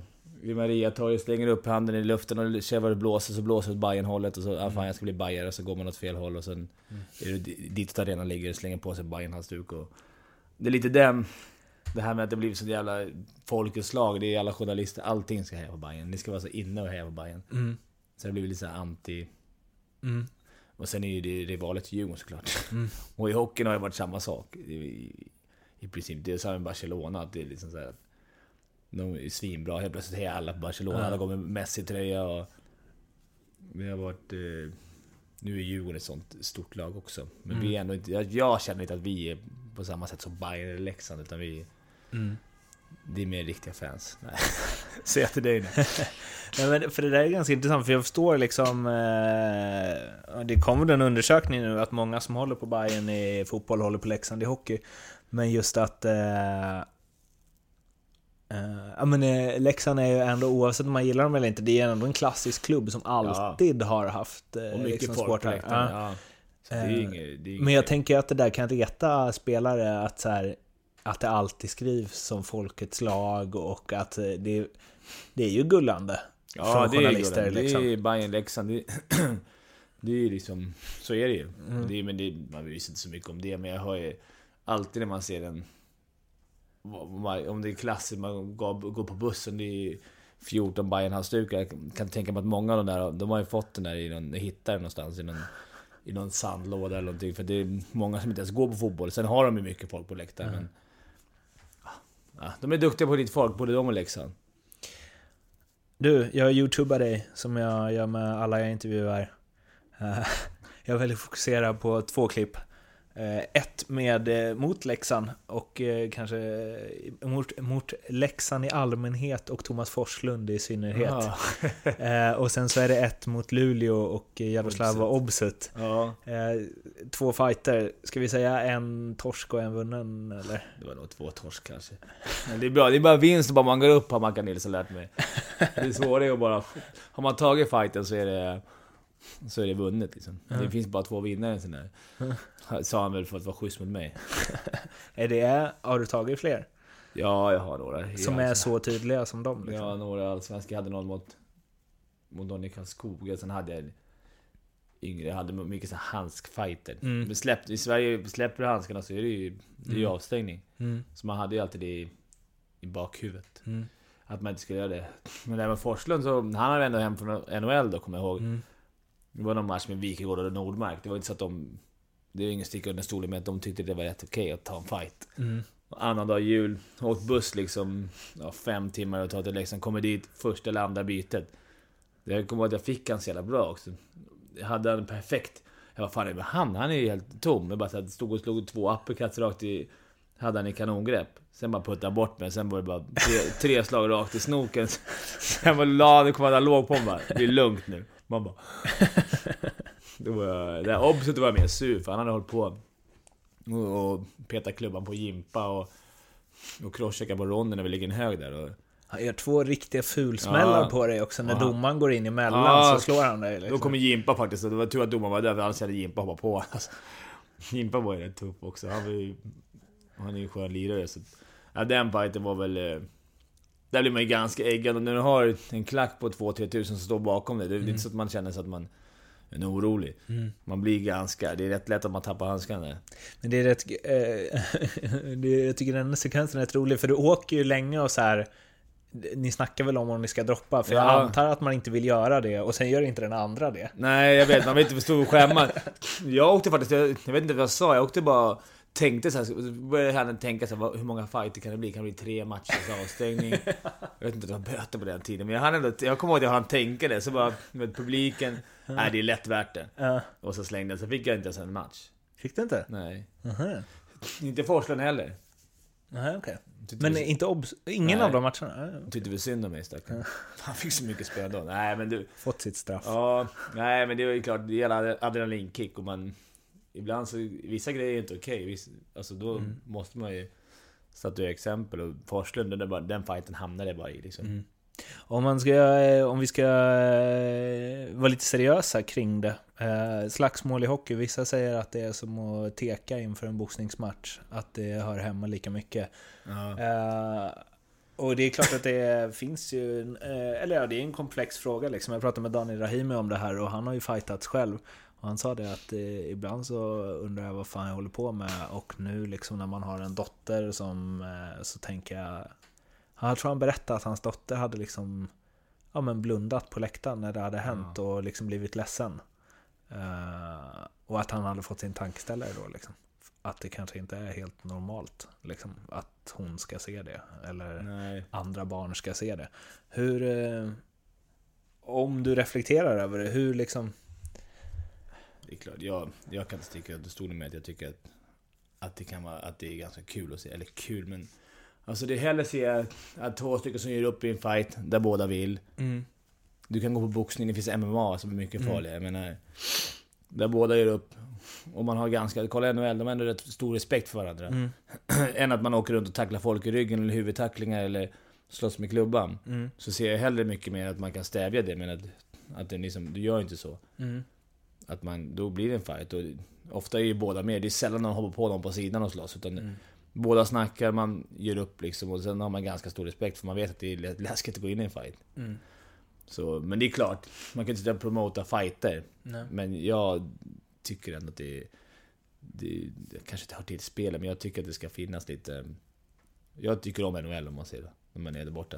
Sen har det blivit mindre fighter också. Mm. Man behöver inte fighta som allting som det var förr, men ibland så är- finns det lägen som det kanske behövs. Lite, jag har pratat med några av dina tidigare lagkamrater eh, som vill eh, vara anonyma. okej. Så here it goes. Ja. lite, eh, lite frågor och du får väl ducka för jag har ingen aning om vad liksom eh, ja, ja, hur rumsrena de är. Eh, Men först, eh, den här är väl ganska mjuk kanske. Du har en egengjord tatuering som är en hyllning till Falk. Ja. Berätta. Vi satt på en fest hemma hos Falken och så var det någon som köpte en... Eh, någon som hade köpt en sån här eh, Falkens granne tror jag. Mm. Esbjörn hade köpt en eh, tatueringshumla, en maskin. Mm. Då satt vi där och drack lite för mycket och sen så gjorde jag en tatuering med Niklas Falk här på... Det ser inte så mycket ut som honom men Eh, Vadå Det- med? Ett porträtt? ett porträtt. Jag har här. Ska få se. Man ser inte så mycket vad det är. Men det här, här är så Falkens, här är nummer 16. Och så hans morse och...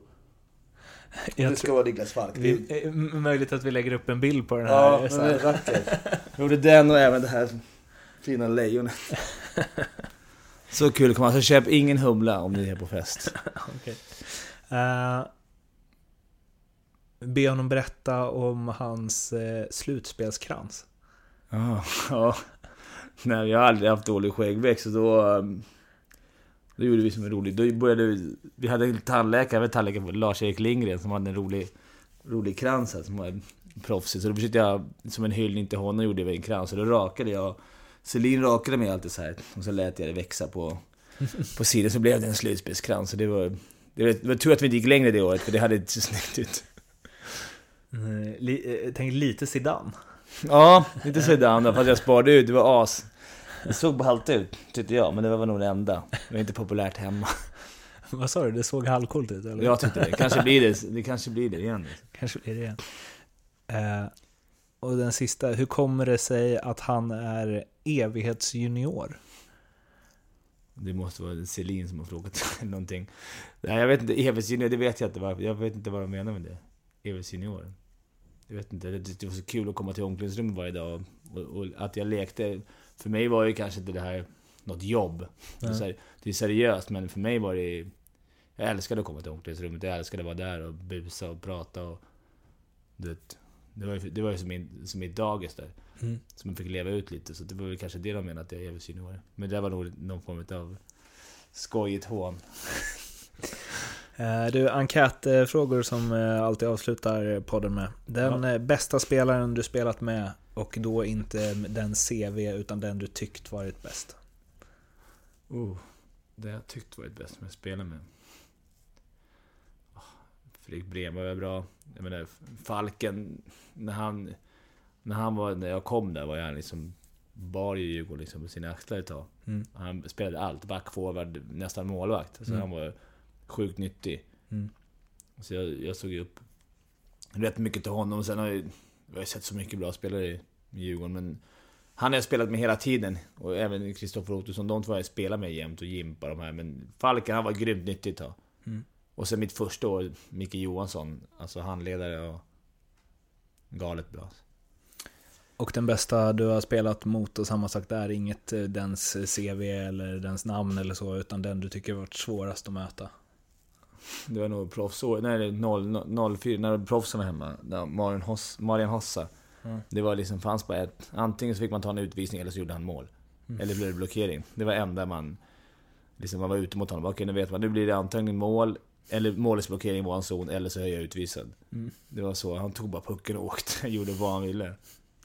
Jag pratade med en fotbollsspelare, Magnus Eriksson i Malmö, som spelade på samma kant som Juan Fran i Atletico när de var i Champions League.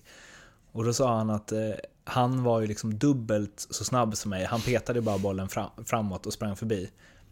Eh, och då frågade jag, jag ska fråga dig nu, att det måste vara en hemsk känsla att eh, så här, inte hänga med och veta att så många ser det.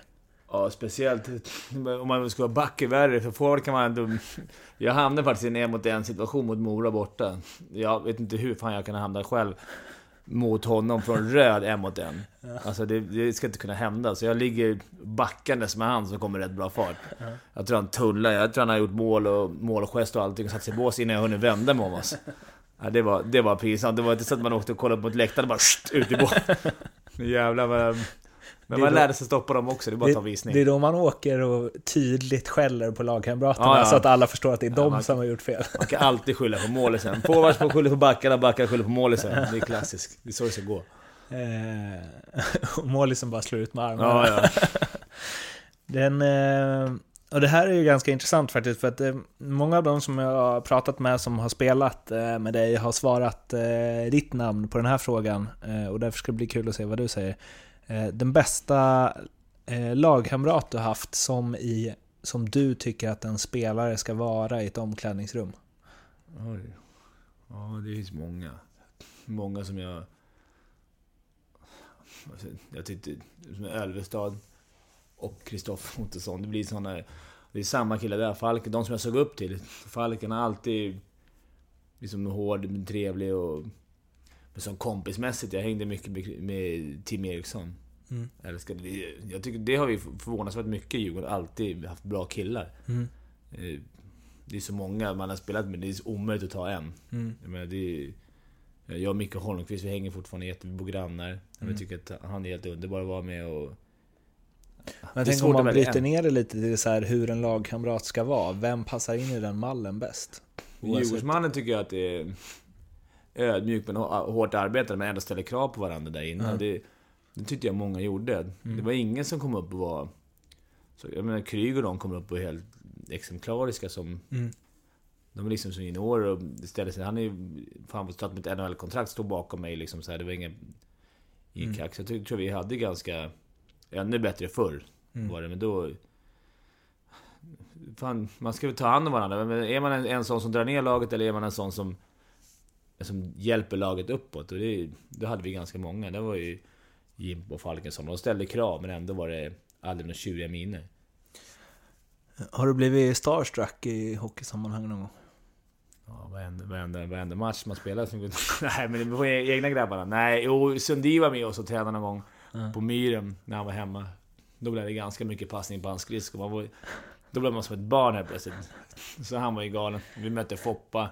Det vi snackade så mycket. Vi, vi mötte Sundin också i Toronto, eller mot Toronto, en träningsmatch i Globen. Då var det liksom... Han är rätt stor och rätt bra. Han bara lyfte undan mig. Så Då var det mer såhär, kom mot han bara nej, det är ingen tackling här inte. Det är bara... Nej, det är klart, han är ju för fan... Han har ju växt upp med att han har varit så grym. Mm. Så han är väl den, den mest starstruck jag blivit. Sen brukar jag alltid fråga hur mycket man tjänar. Nu är inte du hockeyspelare längre. Men så här, vad tjänade du som bäst i karriären? Jag tror jag tjänade det 100... Tjänade jag 120 000. Någonting. På I- år, per år ja. I månaden, men det, då... sen går ju mycket pension och sånt där. Så, och Det, var är ganska- bra för en gnuggare. Det var bra. Det var eh, bra för en gnuggare. Men eh, det mesta det så låg jag på... Hela i början så tror jag jag låg på 15 000 första tre åren.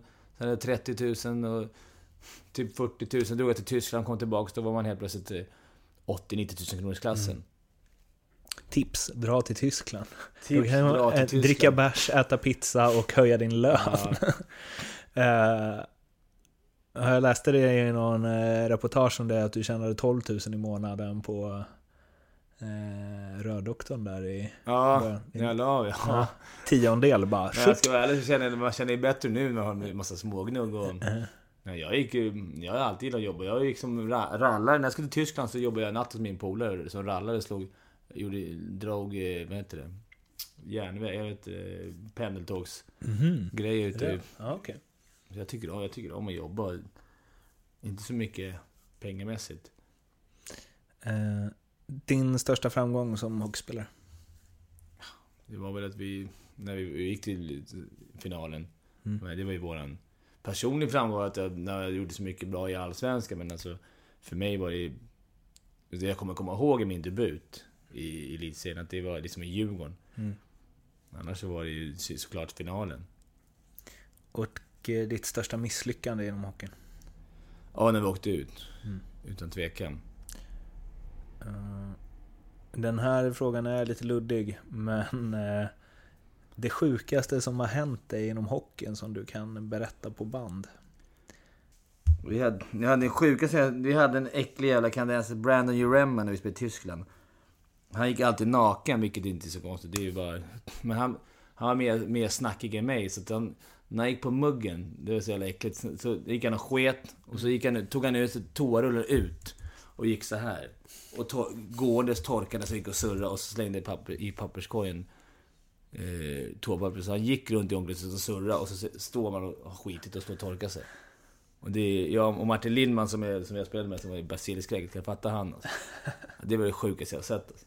Så det är väl det sjukaste jag sett i ett omklädningsrum. Annars har det hänt så mycket konstiga grejer överhuvudtaget. Men det var det äckligaste.